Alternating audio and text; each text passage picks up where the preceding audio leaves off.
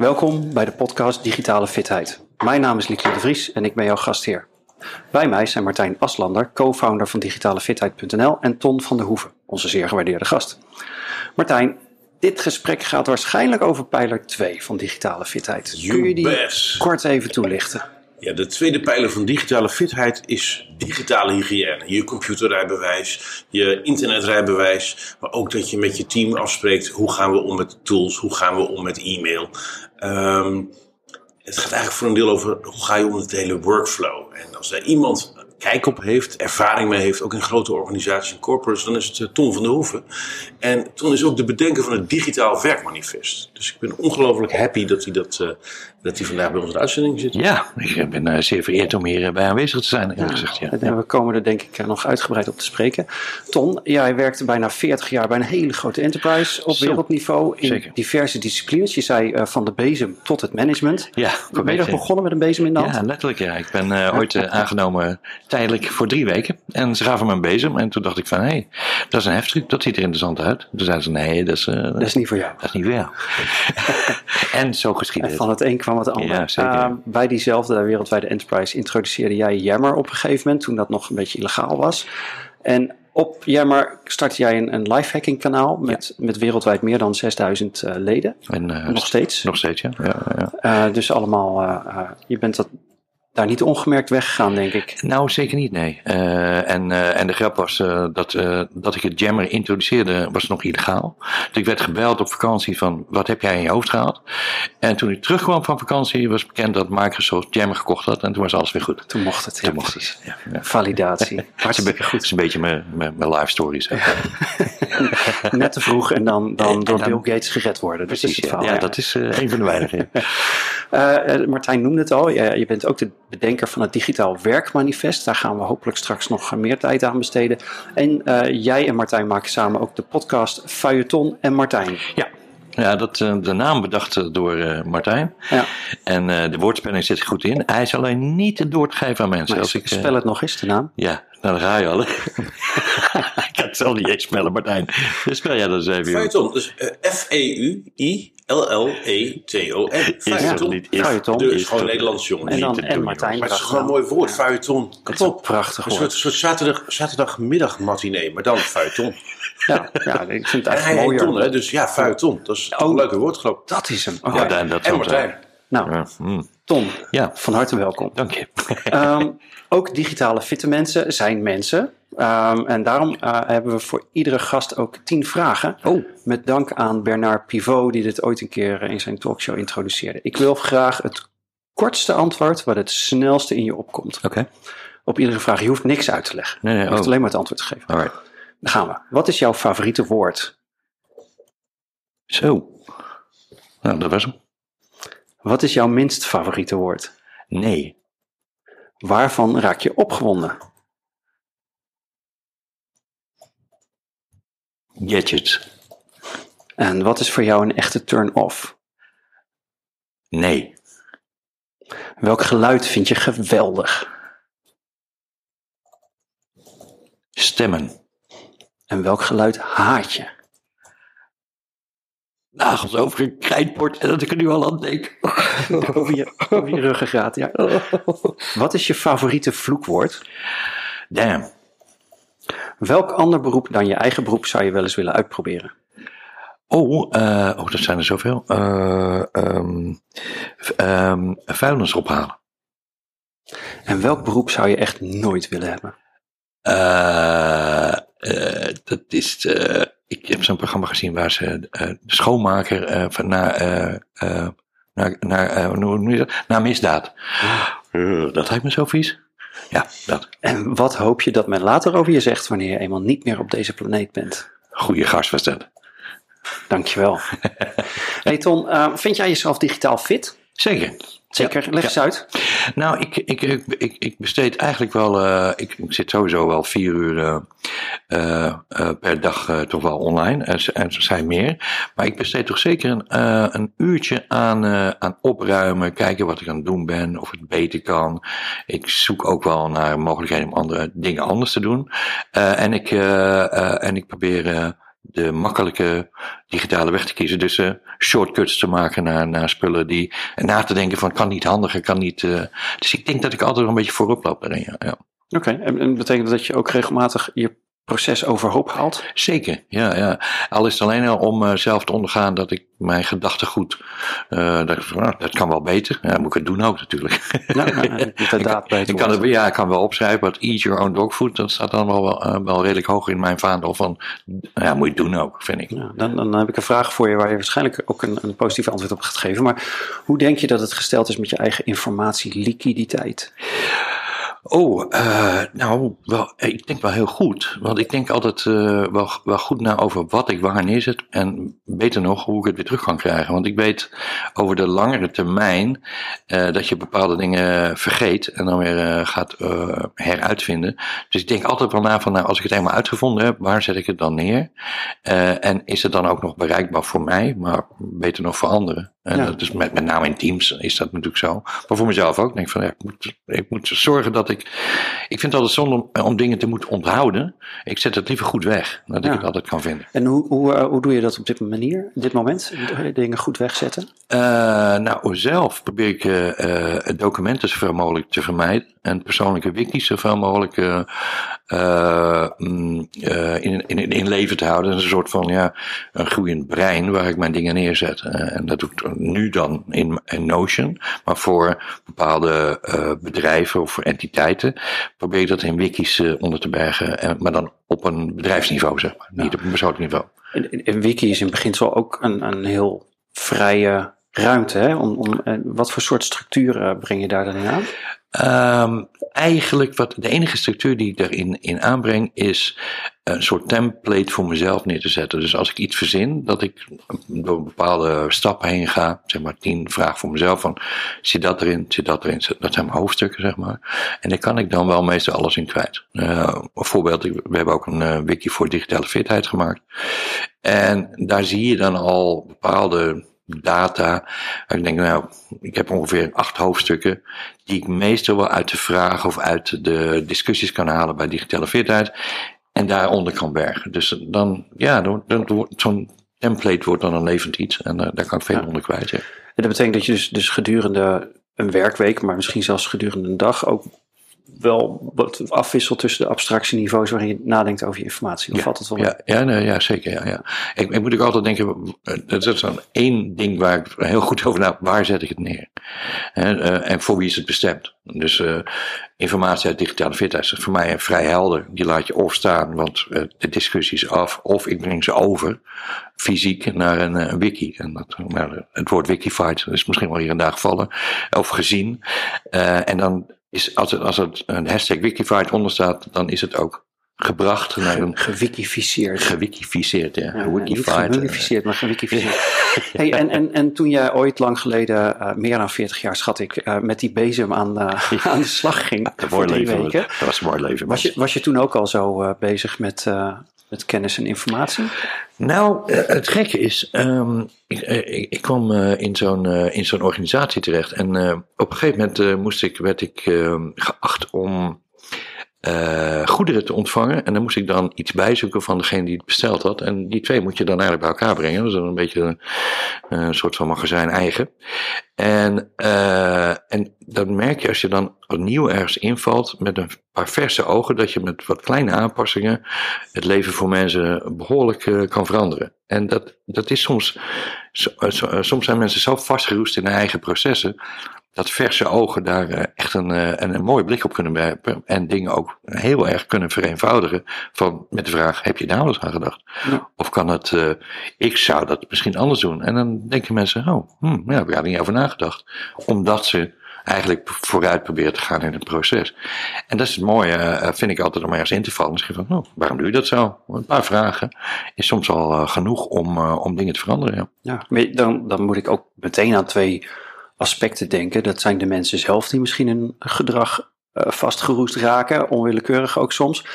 En uh, de systemen die grote organisaties en ook soms kleine, uh, soms heel erg dwangmatig uitrollen. Hè? Dat, eh, herken je dat? Was dat toen 40 jaar geleden ook al zo? Of is dat gegroeid? Of is het juist niet zo? Ja, eigenlijk, dat vind ik het mooi als je, als je vergelijkt met 40 jaar terug en nu.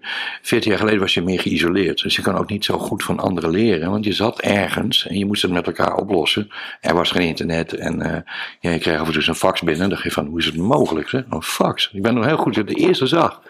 Hoe is het mogelijk dat er een, een A4 door een telefoonlijn gaat? Daar heb ik echt heel lang over na moeten denken om dat principe tussen mijn oren te krijgen. Ja, maar dat was eigenlijk je communicatie met de buitenwereld. En uh, dus je probeert het met elkaar op te lossen. En nou, in mindere mate via uh, telefoon en uh, mensen te zoeken. Maar ja, je had geen netwerk. En, en dat vind ik het mooie van nu.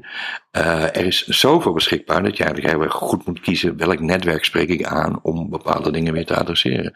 Dus het verschil van 40 jaar geleden is zo groot geworden met hoe het nu zit eigenlijk heb je nu misschien wel te veel mogelijkheden om dingen te doen. Ja, dat is een soort van uh, keuzeverlamming bijna. Bijna wel, ja, denk ik wel. Maar dat, dat een. Uh,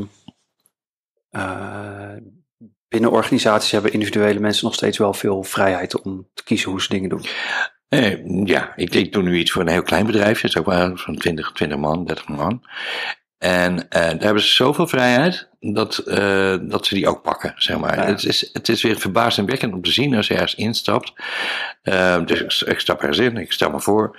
En ik krijg uh, een mail, een WhatsApp, een, uh, een Teams chat, een Skype call.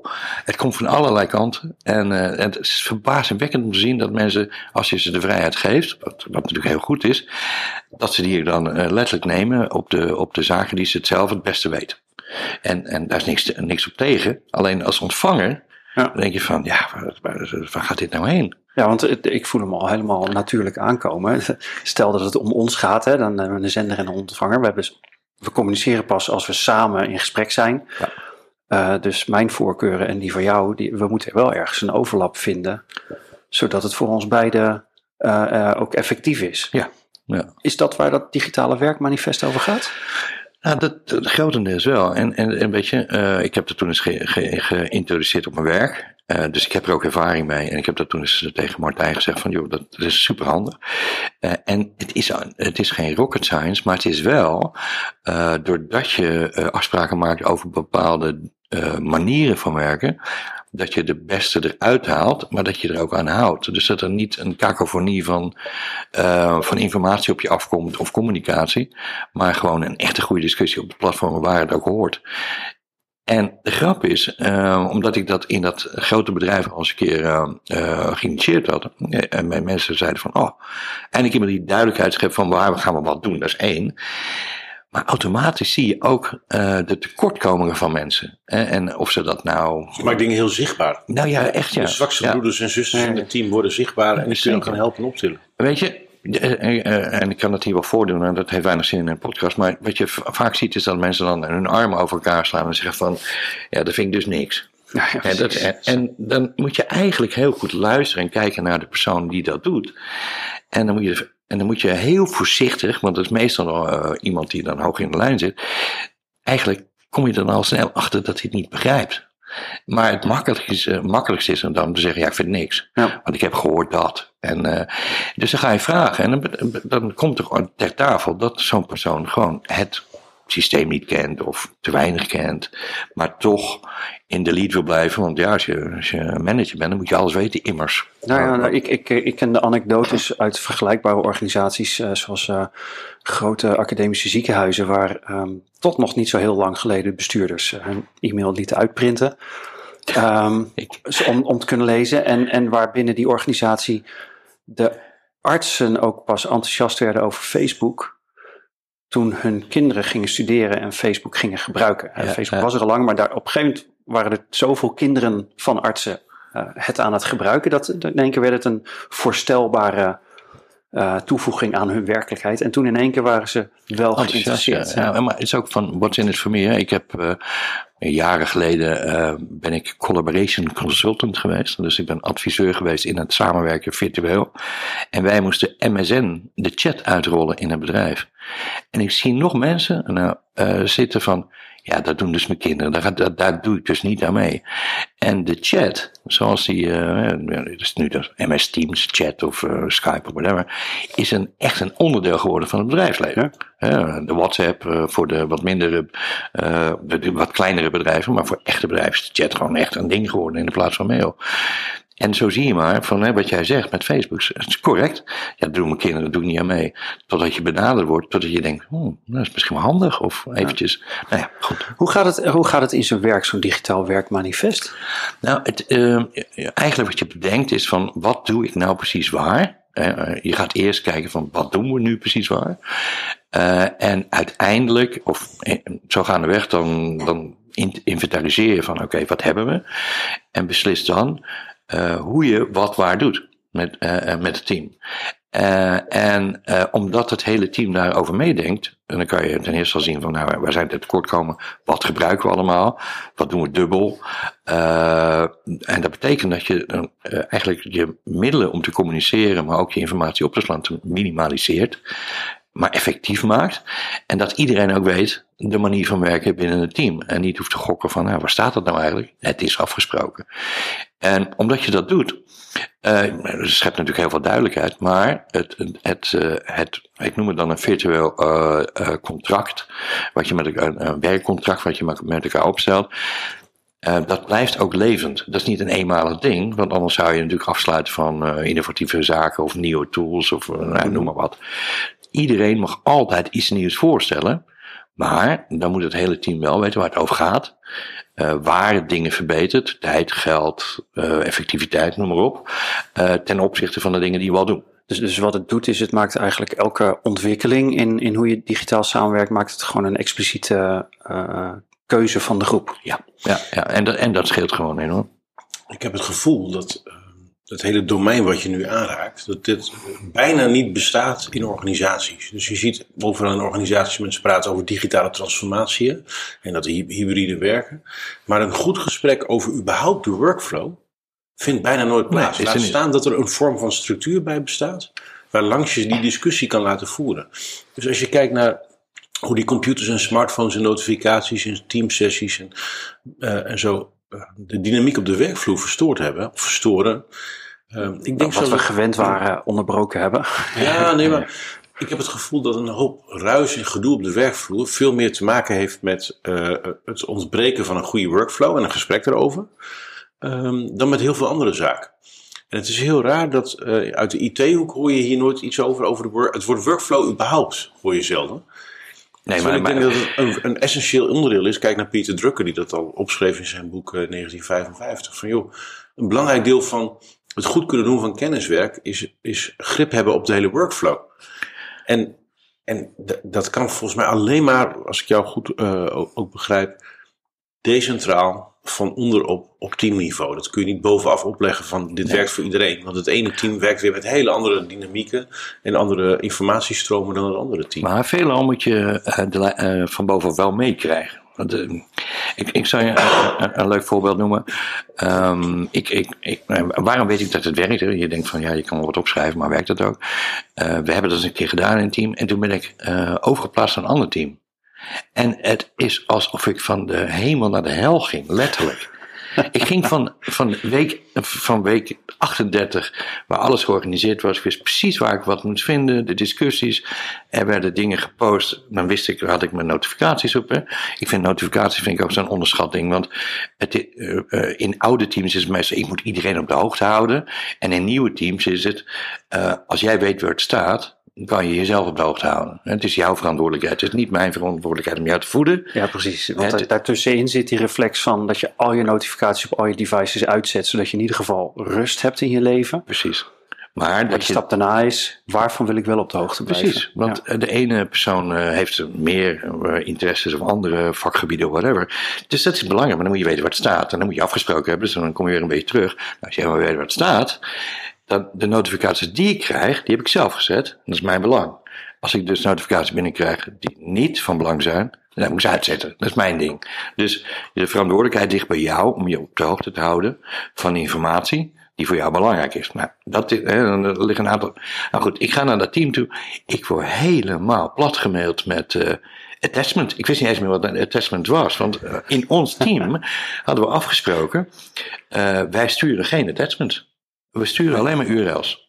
URL's eh, van SharePoint waar die dingen staan. En als je dat dan wil, eh, dan eh, ik, ik maak een nieuw document. Even een voorbeeld. Maak een nieuw document. Zet ik neer maar afgesproken. En dan gaan we aan werken. Dan zet je daar een notificatie op als je daaraan mee moet werken. En dan krijg je niet nog eens een keer, ik heb dit gewijzigd, hier heb je de attachment. Maar als je dat gewend bent om zo effectief te werken en je gaat daarna naar de hel.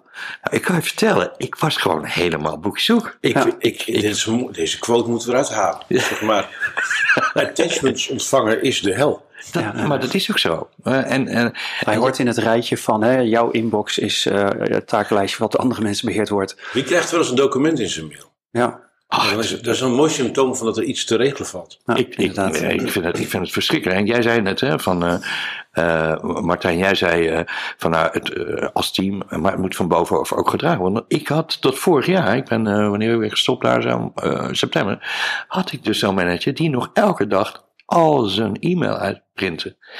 En eh, als we die niet meekregen in het. Ja, je kan het niet geloven, maar hij print het gewoon uit.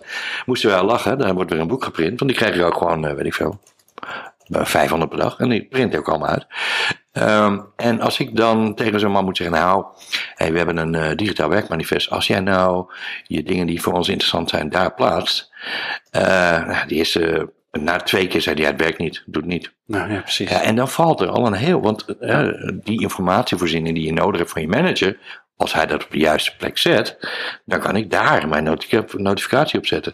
Als hij dat niet doet hij stuurt me een mail, dan ben ik dus. Maar je, je geeft wel een voorbeeld van, eh, Martijn noemde het net al, zo'n zo'n gesprek over een digitaal werkmanifest maakt heel zichtbaar hoe vaardig iedereen is. Eh, dus het maakt ook heel zichtbaar wie er zich op welk onderdeel kan ontwikkelen en, en hulp kan gebruiken. Ehm, maar in dit geval is de situatie waarschijnlijk ook zo geweest dat de persoon nou, zich niet liet helpen, dat de situatie het misschien niet helemaal toestond om hem helemaal op het niveau te krijgen van iedereen anders in het team. Dus dan, dan wordt het denk ik ook een, als je het goed doet, een inclusief instrument. Want hij, deze persoon had wel een rol. Ja, ja, die heeft een belangrijke rol ook. En uiteindelijk, eh, omdat hij gewoon doorging met zijn printen en toestanden, hebben we hem buiten ons manifest geplaatst. ja, dat je moet, ook, ja, je moet wat. Eh, dus één persoon die, eh, die, gezien, die, die was dan de, de dedicated informatiemover. Ja, En die zette dan, wij gooiden ze allemaal weg van hem. Als we met z'n allen ingekopieerd stonden. En hij zette dan ergens neer. En dan, nee, er is wel een weg omheen. Kijk, en een van, die, van, eh, van zijn werkmanifest is heel mooi. Hè? Je, zet hem, eh, je, je plaatst hem en het is een virtueel document. Daarom heet het ook virtueel. Maar anyway. Eh, en die, met elke teammeeting, elke maand, komt dat ding terug. Je mag altijd dingen eraf gaan gooien. Je mag altijd dingen erop zetten. Maar het hele team moet weten waar het over gaat en moet Ja. het ermee eens zijn. Nou, is, dat, is, dat, was, is dat consensus of is het consent? Nee, consensus. Ja. Consensus. Ja, je moet echt allemaal besluiten, dat doen we. Ja, anders dat kan zomaar een dag duren hè, voordat je dat op orde hebt met elkaar. Ja, en, en eh, dat was mooi, want ik gaf, eh, even kijken, twee weken geleden hier in Utrecht eh, een eh, prestatie. En zei iemand, eh, ja, ik vind het moeilijk om mensen daarop te wijzen. Hè, als ze het fout doen. Maar als je zo'n contract met elkaar aangaat, is dat ook een excuus om die interventie te doen. Nou, dus je kan zeggen, jongens, we hebben de contract toch? Eh, en, en wij deden het op een gegeven moment heel erg hard. Dat hadden we ook eh, opgeschreven in het contract. Je mag gewoon hard een interventie doen. Dus als je het er niet mee eens bent, dan verwijs je naar dit contract. En dan zeg je, eh, according to this contract, dan deed ik veel in het Engels, I'm gonna delete this att- attachment and I expect you to send me a URL. Ja. Ja, Dus je communiceert er wel over, maar je gaat geen excuses maken, want dat was de afspraak. Ja, dat was de afspraak. Maar de grap was, er was en, dat, en dat is zo mooi om te zien. Heb je twee weken zo'n contract eh, eh, in, je, in, je, in je team. En er was op een maandag, ik vergeet het echt nooit meer. De twee weken ging iedereen was een beetje strukkelen, geen attachment, toch gedoe. Eh, de tweede regel die we in het team zetten was drie weken later. We mailen elkaar niet meer. Dat werd nog veel leuker. Maar dat begreep, betekende wel dat we 40% minder mail kregen. Hmm. Eh, om een idee te geven waar je in het team mee bezig bent. Nou fijn, eh, met die attachment was nog een leuk ding. Maandag stuurde iemand een attachment. En ik, eh, ik had hem nog niet gezien, nog niet gelezen. En iedereen dacht, joep, we zijn weer terug op, uh, we gaan weer. En iedereen verviel meteen weer in oude gewoontes met attachment heen en weer sturen. Totdat ik zei van, nou, Hallo. Oh, jongens, wat hebben we nou afgesproken? Wat gaan we nou maar bij? Oh ja, oh, oh, sorry. Oh ja, er is toch iemand die nog... Dus het is een handig hulpmiddel een soort breekijs. Het is een soort breekijs om oude gewoontes eh, los te frikken. Zeker. Omdat je zegt, luister, hier staat dat we dat niet gaan doen. Dan denk ik, oh ja, ja, hadden we dat. En, je, illustreert eh, dat, dat mensen eh, het op een gegeven moment wel willen en in consensus besluiten: dit wordt ons digitale werkmanifest, maar dat de werkelijkheid enige tijd nodig heeft Zeker. om mee te veranderen. En daar moet je dus ook zeker rekening mee houden. En, en het is leuk hè, eh, om het in je team te doen. En waarom? Omdat je, je kent iedereen natuurlijk. Hè. Je, weet, je vertrouwt iedereen. Of je weet wie er wel of niet te vertrouwen is. Doe maar even. Maar het leuke is, die regels als we sturen geen attachments meer mee. Geef je, hè, nou, iedereen zegt ja, daar zijn we zat van. Hoe, en dan krijg je de vraag, maar wat dan? Hoe dan? Nou, en dan komen die tekortkomingen naar boven. Zeggen, nou, dan zet je op SharePoint neer. En dan zet je notificatie of andere dingen. Het zijn andere dingen mogelijk natuurlijk. Ehm, eh, eh, eh, en daar gaan mensen ook dingen zoeken. Maar dan gaan ze ook de beste manieren om die attachment niet meer te sturen met elkaar delen. En dat komt weer terug op het contract. En dan krijg je een evolving team. Van, En ja, dan wordt het steeds meer van hen zelf ook. Precies, ja. binnen Dan- hun interesses en mogelijkheden. ja. Dankjewel, mooi. Ehm, ik ga even tussendoor eh, drie andere vragen stellen. Oh, oh. Die gaan weer helemaal over jou. Welk apparaat gebruik je het meest? Ja, is toch mijn iPhone, denk ik. ja. En welke apps gebruik je daarop het meest? Oeh, ehm, ja. eh dan moet ik even denken hoor. Welke apps gebruik ik? Ja, dat is Twitter, Facebook, mail, denk ik. Ja, toch wel. Ja, en een mail dan merendeel eh eh notificatie en MS Teams. Ja, dat is wel zo'n beetje. Oké. En heb je het af- afgelopen jaar ook een app voor het eerst gebruikt die je nu echt niet meer kunt missen? Wow, uh, goede vraag zeg. Eh, nou, heel gaan die ik niet meer kan missen. Ja, ik denk dat het wel Flitsmeister is, gek genoeg. Ja. Je hebt een nieuwe auto die sneller gaat. Ja, verdomd, ja. Ik heb een keer, eh, ik, ik, ik had, wat is dat? Zo- Zo'n flitsmeister heeft zo'n klein plastic kastje en die kan je in de auto plakken. En als je dan, eh, en ik reed in, in die auto, ik reed ergens en onbekend en paf, boete. Shit, ah, dat moet daar niet overkomen. En toen zag ik flitsmeister, ik koop van die plastic kastjes, die kan je in je auto plakken. En dan hoef je niks aan te zetten en die die connect met je telefoon. En die geeft dan een piepje. En toen reed ik de week later eh, toch hier ergens iets hard. En zo hoorde ik denk piep piep. Denk, hm, Wat is oh, dat dan Wat is dat? Ja, wat is, en toen stapte ik de rem 30 kilometer te hard eh, voorkomen boete. dacht ik van, ja jongens, dit is een app. Het al uit, ja, ja. eigenlijk. Ja. Ja. Is een nieuwe versie van nou trouwens. Oké. Martijn. niet, ehm, Ton heeft niet alleen eh, aan de wieg gestaan van het digitale werkmanifest, eh, wat je trouwens kunt vinden op digitaalwerkmanifest.nl. Och, mooi URL zeg. Maar hij heeft nog iets moois gekraakt. En ik ben wel een beetje jaloers daarop. Want Ton, eh, we zijn al een tijdje bij digitale fitheid druk bezig met de vierde pijler. Hè, dat is persoonlijk kennismanagement. En Ton heeft daar een paar hele slimme vondsten op gedaan. En die heb ik nergens anders kunnen terugvinden. En ook die staan te vinden op digitaalwerkmanifest.nl. En Tom die kwam met het idee van ja, je hebt PKM. Dat is je persoonlijk kennismanagement. Dan heb je TKM. Teamkennismanagement. En dan OKM. Organisatiekennismanagement. En eigenlijk heeft hij, wat wij bij digitale fitheid gedaan hebben rondom digitalisering, gewoon vijf pijlers bedenken, een heel framework bedenken, zodat het duidelijk is wat hoort eigenlijk waarbij. Eigenlijk heeft Tom dat voor kennismanagement gedaan. Maar dat was net zoals digitalisering een soort hol containerbegrip. Waar je op zoveel manieren naar kon kijken dat je op de werkvloer er geen chocola van kon maken. Maar it makes perfectly sense dat je dus eh, vanuit je persoonlijk kennismanagement, decentraal, dat je daar begint. En dat je dan bij kan dragen aan of de kennis in de organisatie. Dat hebben we Mark Fretter ook horen zeggen. Hoe zei dat toen bij, eh, bij Voice, bij de Mooi. eerste aflevering. Deed je mooi hoor. Ehm, maar ja, je kunt ook op teamniveau doen. Het leuke is als er dan een teamlid nou, eh, uitvalt, ziek wordt, weggaat. Ja, waar- hoe borg je kennis in een team? Hoe zorg je ervoor dat je mensen snel kunt onboorden? En ehm, daar was volgens mij nog geen visie op. Dus dat, dat, dat- dus dat, dat heb jij nu toch in een, eh, in een, eh, in een eh, kennismanifest Ja, opgeschreven? we, hebben een, we dachten van, ja, je moet wel zorgen dat je in je, in je werkmanifest, daar, komen daar komen natuurlijk dingen uit op een gegeven moment, hè, documenten, whatever. Dus het gaat verder dan een workflow. Het gaat over het borgen van kennis. uiteindelijk ben je als individu, draag je bij aan een team. Meestal, maar dat hangt een beetje van je. Van je maar ook als, uh, als één pitter kom je ergens binnen en je wordt ergens in een team gezet en dan moet je dingen bijdragen. Nou, meestal een team is dan, als je dat persoonlijk breng je intelligentie en dingen die je niet weet, of, of, dingen die anderen niet weten, of slimme dingen. Dan ga je naar een team. En dat team, dat moet natuurlijk iets maken, een project of een product, of uh, je het niet bedenken. En dat is veel, veelal uh, kennis wat uh, work in progress is. en, en die work in progress, die moet uiteindelijk naar een organisatie overgedragen worden. En daar vallen nog wel eens wat dingen door de mand. als je zo'n zo paper schrijft, en hij is te vinden, we hebben hem online gezet, is bijvoorbeeld uh, dingen die fout zijn gegaan. Ja. Dat is natuurlijk enorme belangrijke kennis. En wat je dus heel vaak ziet, dat er in teams, uh, in teams die met elkaar samenwerken, dingen geprobeerd worden. Nou, dit werkt dus niet. Nou, dan gaan we iets proberen wat wel werkt. En dan komt er iets uit. Nou, dat werkt wel. En dat wordt wel geborgd. En wat niet, uh, wat fout gaat is, gegaan is, wordt niet geborgd. Er wordt niet vast, vastgelegd van waarom ging dit dan niet goed, waar, wat is maakte dat ze verder gingen zoeken. Ja. En hoe vaak ik niet meegemaakt heb dat ik in, in, in bepaalde teams zat en dan zeiden ze, oh laten we dat eens proberen, ik dat is al gebeurd.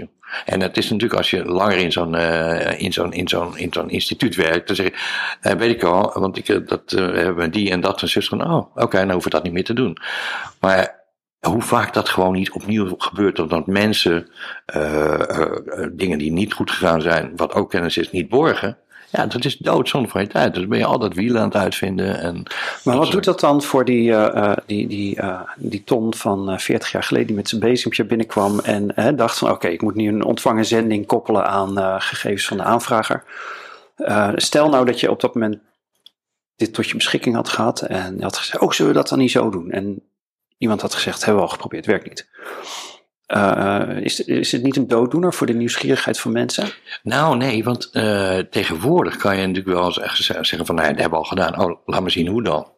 Weet je? En je, hoeft niet aan één persoon te hangen van nou, heb ik me Klaas gedaan. En er kan wel heel veel emotie tussen zitten of uh, weet ik veel. Er kan iets fout tussen zitten. Wat, maar, maar nu uh, is er zoveel informatie beschikbaar dat je ook kan nalopen van nou oké, okay, hoe is het dan gegaan? Hè? Op documenten of contracten of er zijn meerdere mensen bij. En dat zie je vo voornamelijk ook op, op, uh, op dingen zoals Jammer. Hè? Dus voorraad binnen zo'n maatschappij waar dingen al besproken zijn. Dat kan je dan teruglopen. Het is wel veelal zo dat bepaalde dingen die daar besproken worden ook weer niet geborgd zijn. En dat zie je met name op, uh, op voorraad, uh, bedrijfsvoorraad zoals Jammer, uh, waar dingen gewoon na een jaar weer naar boven komen. Ja. en zo ben ik op, op, het idee gekomen om die organisatiekennis in een wiki te gooien, zodat het ook echt ergens staat, in de plaats van in een discussie. Dat is levensgevaarlijk natuurlijk. Want als de mensen, ook als de mensen natuurlijk gaan moven, dan die vergeten die discussie en die gaan weer netjes opnieuw beginnen.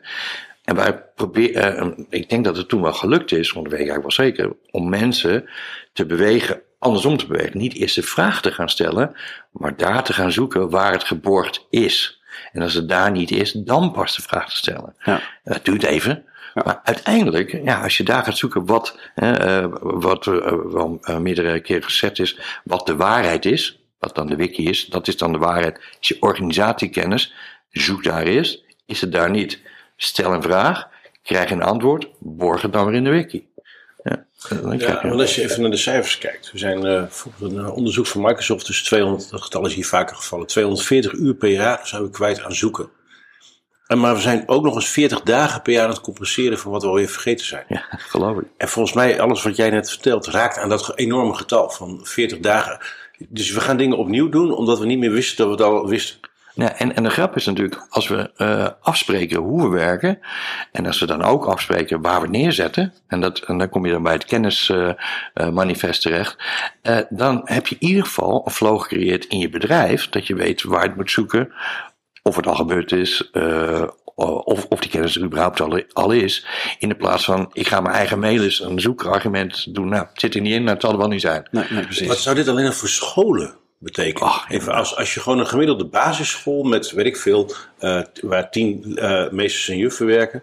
Als alle kennis in die school, van alles wat, wat je zou willen vastleggen, aan van hoe het koffieapparaat werkt tot en met. Uh, Niet helemaal. Hoeveel minder werk zou het zijn om op een school te werken als je deze shit zou fixen? Nou, we hebben toen eens een keer een nieuw product gelanceerd in dit, dat bedrijf. dus dat ging van ons van persoonlijk naar teamkennis naar organisatiekennis. En toen hebben we besloten om geen PowerPoints te maken. Vond ik ook weer heel mooi, want dat is binnen ons bedrijf nog wel een ding. Een radicale beslissing, denk ik. Ja. Radicaal, maar uh, we gingen alleen presenteren met de wikipagina's. En waarom? Uh, daar zetten we dan een beetje plaatjes bij, dan maken we een beetje, een beetje juicy. Maar uh, mensen, als ze dan de tweede keer terugkwamen, denken, hey, dat, is, dat heb ik al eens een keer gezien. Dat, ja, ja, Ik snap dit. En als je dan van. Eigenlijk een klein marketing trucje dat, dat je triggert van. Ja. Dat ze er al aan wennen. Dat ze er aan wennen. En uh, omdat je dat als kennis en een PowerPoint is eigenlijk niets anders dan in plaatjes over te brengen wat je in tekst niet begrijpt of niet wil begrijpen of, of niet zou. Nou, in ieder geval of te marketen. Maar als je het met die pagina's in het begin doet, dat scheelt zoveel tijd. Want iedereen vraagt altijd: heb jij die presentatie van dit of dit nog? Nou, stuur gewoon de URL van de wiki, daar kun je alles vinden. En als ik vragen heb, dan zie ik het wel op Jammer. Nee, ik doe maar even wat. Ik vind het mooi. Um, uh, hoe, hoe ben jij in die 40 jaar tot dit niveau van digitale fitheid gekomen? Zijn er momenten geweest waarop je echt zo'n soort van doorbraak had bij jezelf, een inzicht? Ja, ik, ik, ik, ik, heb het geluk gehad dat ik uh, uh, collaboration consultant kon worden. Een titel, die bestond helemaal niet. Maar dat bedrijf ging ja, eigenlijk wat meer internationaal intern, zeg maar. Dus die gingen dingen combineren. Dus dan hadden ze bij het management gedacht van nou, moeten wel een paar mensen daar neerzetten die begrijpt die begrijpen wat virtueel werken met elkaar voor elkaar doet. En toen ben ik toen kreeg ik ook echt de tijd om daarin te duiken van ja, wat doet het nou met mensen om uh, virtueel te werken? Uh, ik denk dat het een opslagpunt is dat, uh, dat iemand zei tegen mij, na 15 meter uit elkaar of een verdieping ertussen begin je al virtueel te werken. En dat was voor mij toch wel een opslagpunt dat ik dacht van, Holy moly, er is eigenlijk veel meer aan de hand met ons werk. Want hoe vaak zitten we in, binnen een bedrijf niet 15 meter uit elkaar? Dan begin je al met elkaar te chatten. Dan begin je al te mailen met elkaar. Of zoals Martijn het soms wel eens uh, uh, grappig zegt van wie mailt er wel aan zichzelf? Ja. Nou, dat is met virtueel, dat was voor mij wel een openbaring. En, en om, omdat we dan zoveel tools en zoveel mogelijkheden kregen, ja, toen had ik wel zoiets en dan moeten we er ook wel wat mee doen. Want anders loopt het, nu loopt het een beetje uit de hand, een beetje. Ja. Vind ik. Maar, uh, en, en om dat weer een beetje terug te brengen naar core dingen die je nodig hebt. Je hebt niet zoveel nodig. Je moet met elkaar kunnen praten. Uh, je moet met elkaar kunnen uh, informatie overdragen op een, een, een of andere manier. Je moet op de hoogte gehouden worden van nieuwe dingen. Het is allemaal niet zo moeilijk. Alleen je moet er niet te veel excuses bij halen, halen om het op een andere manier te doen. Nou, nou heeft, hebben we natuurlijk twee jaar achter de rug met uh, allerlei maatregelen ten gevolge van de coronapandemie. Die heeft heel veel mensen en organisaties uh, brusk uh, gedwongen om digitaal te gaan werken. Maar de teams waar jij mee werkte binnen deze organisatie, hoeveel impact hebben die gehad van coronapandemie? Want als ik jou namelijk zo hoor praten, dan denk ik, nou, dat was dus wat dat betreft appeltje eitje. Nou ja, binnen ons team misschien wel, maar met andere teams was het een heel ander verhaal. Kijk, wat, wat ik wel gemerkt heb in die corona in die coronapandemie is dat mensen dan weer, die slaan weer helemaal door naar de andere kant, die denken dan dat uh, in de plaats uh, dat uh, mailwerk is, dat virtueel vergaderen in een hun, baan wordt. Ja. En, en op een, een of andere manier, die gaan dan hun agenda vol plempen met allerlei vergaderingen, omdat ze dan thuis zitten en denken ze, oh, wat druk gehad hè, jongen, jongen, ik heb zoveel vergaderingen gehad. En ik probeerde juist daarvan weg te blijven. Dus ik had een soort van filter voor mezelf ingebouwd. Van oké, okay, uh, dan stuurde ik, kreeg ik een uitnodiging voor een vergadering. Zei ik, oké, uh, is, er een, is er een agenda? Nee, is er niet. Nou, dan ben ik er niet bij. Uh, of kan je me vertellen waarom ik hierbij moet zijn? Wat ga ik, dat is wel handig voor je. Nou, dat maakt zelf wel uit, denk ik. Uh, en, en dat soort filters moet je een beetje inbouwen. Dus ik probeerde steeds minder vergadering. Waar in de pandemie mensen, oh, die moesten allemaal vergaderen en mailen. En dat was allemaal belangrijk. En dat was dan werk. Uh, terwijl ik denk, ja, mailen is nooit werk geweest volgens mij. Mailen is communicatie. als je communicatieadviseur bent, kan ik me het voorstellen. Er zijn echt heel veel jonge mensen die denken dat e-mail en werk is. dat kan niet zo zijn. Je wel ver vanuit. Ja, ik leerde afgelopen maanden over vergaderen iets heel interessants. Wist je dat de vergadercultuur zoals we die nu hebben in Nederland, dat die pas begonnen is in de jaren tachtig? Uh, dus met de opkomst van de ondernemingsraden, dus we kregen in de jaren 80 uh, ondernemingsraden, meer medezeggenschap voor de medewerkers. Ja, daar was hij nog bij. En uh, daar moest dan over vergaderd worden. Nou, en, dus je moest echt belangrijk zijn, anders mocht je niet vergaderen. En we zijn Nederland en dan willen we graag iedereen gelijk in. Nou, dus dat was opgelost. Ja. We mogen allemaal vergaderen. Iedereen mocht vergaderen. Ja. maar dat doen we dus eigenlijk nog helemaal niet zo heel lang. Maar trouwens, trouwens grappig over vergaderen gesproken, want dat, dat, dat, komt ook terug in het werkmanifest. Ehm, daarin bepaal je bijvoorbeeld ook, dat vind ik wel een hele grappige, uh, wanneer de camera aan of uitgaat. Is een, een, echt een, een heel klein stom ding. Wat je, uh, mensen zitten achter een laptop en denken: nee, ik heb wel een camera, dan zet ik nou aan. Ik heb een bad hair day, nou, doe maar niet aan. Maar als je van tevoren bepaalt dat je in je maandelijkse teammeeting dat ding aanzet, dan heb je geen bad hair day. Want je hebt... Je werkt het andersom, ja. Ja, precies. Want dan weet je wat de bedoeling is, ja. Precies. Dus, en, en met dat soort stomme kleine regeltjes. Want ik geloof namelijk dat de camera uh, op een meeting heeft heel veel impact. Uh, en zeker als je mensen niet heel goed kent. Dan eh, kan je daar vertrouwen mee creëren. Maar in een teammeeting ook van, nou, je ziet elkaar weer. En als de helft uitstaat en de andere helft aan. Ja, dan heeft het geen zin. Maar als je met z'n allen afspreekt, die vergadering zet hem aan.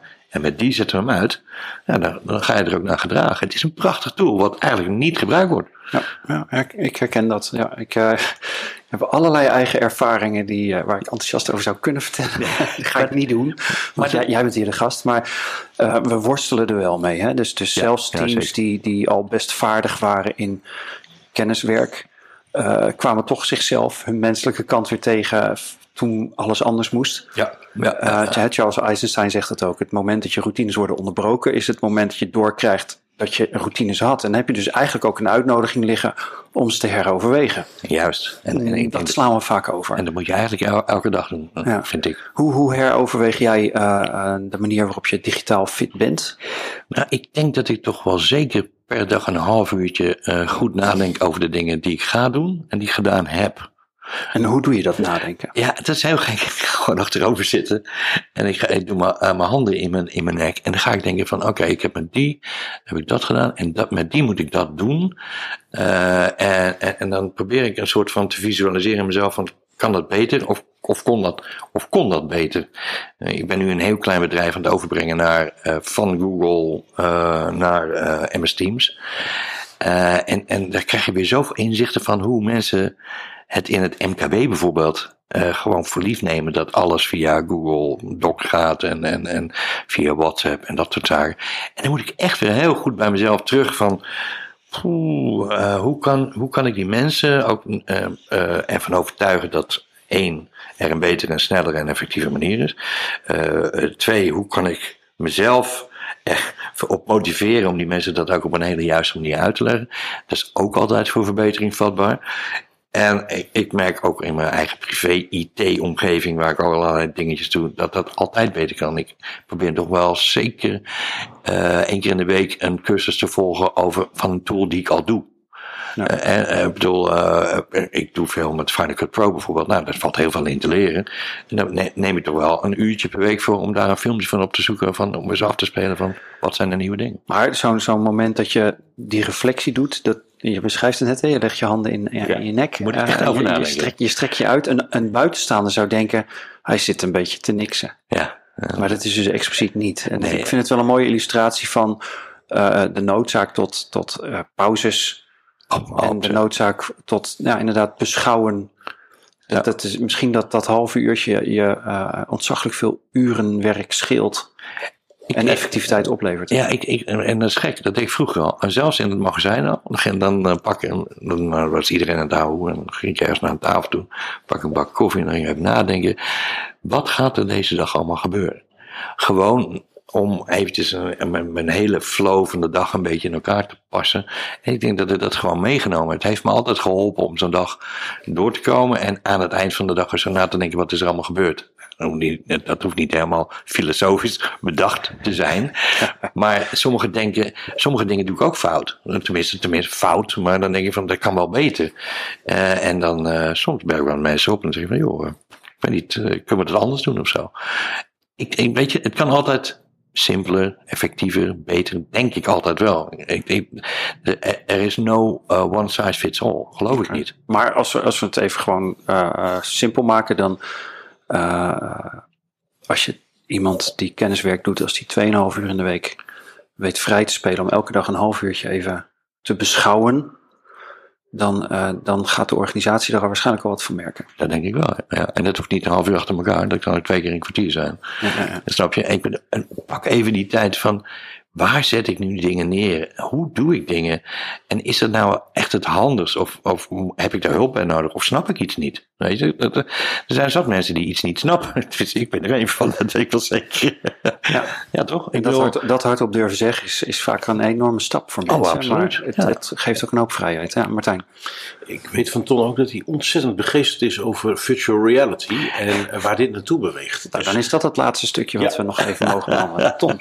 Ja. Pitch, pitch virtual reality is. Ach jongens, ja, ik wil niet eh, helemaal op de stoel van uh, Mark Zuckerberg zitten met de metaverse. Maar ik heb toch al wat dingetjes meegemaakt en gezien daar.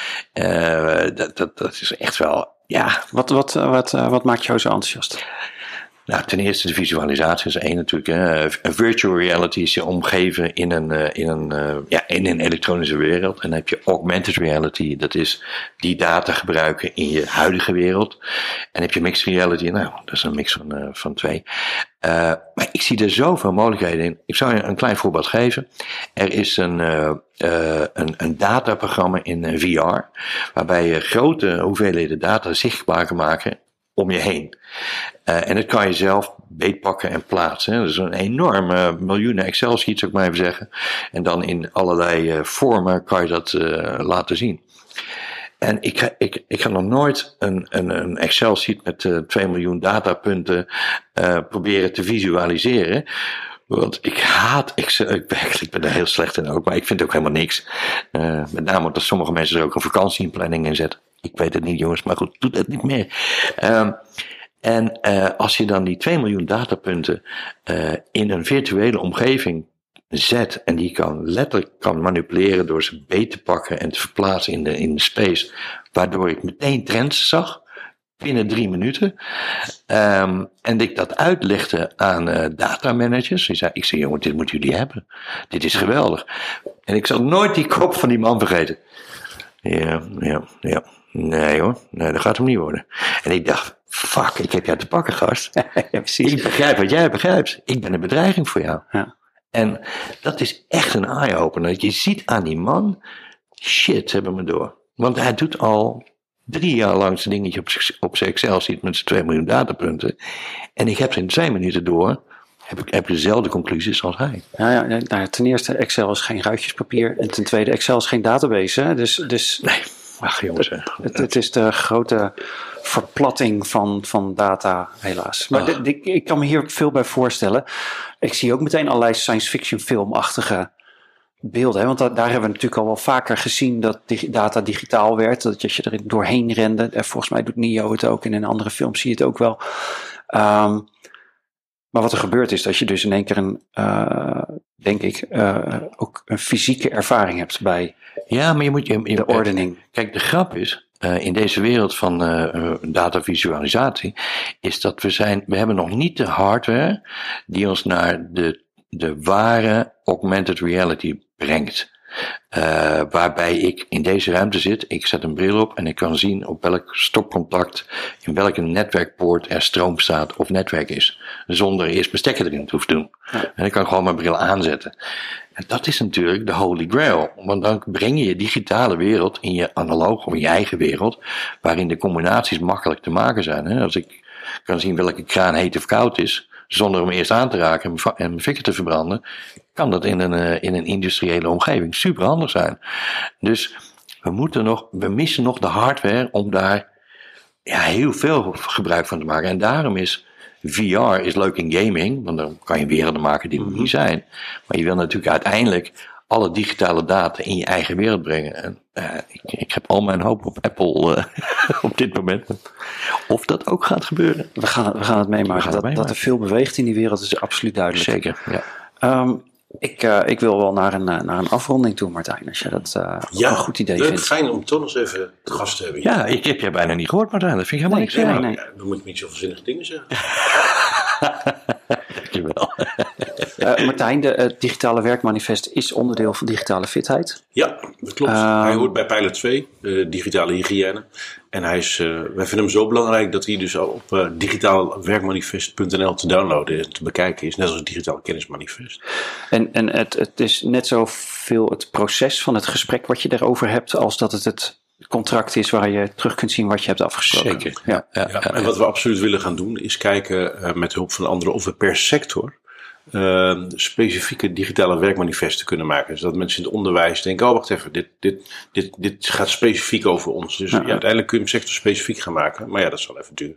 Ja, ik denk dat je, hoe, hoe, meer holistische dingen je eruit haalt, maar hoe meer dingen je adresseert ook in hun wereld. Mhm. Uh, zoals, uh, ik noem maar even wat uh, SharePoint. Iedereen weet wel wat SharePoint is. Oh ja. tenminste, ga ik een beetje, tenminste, veel mensen weten dat.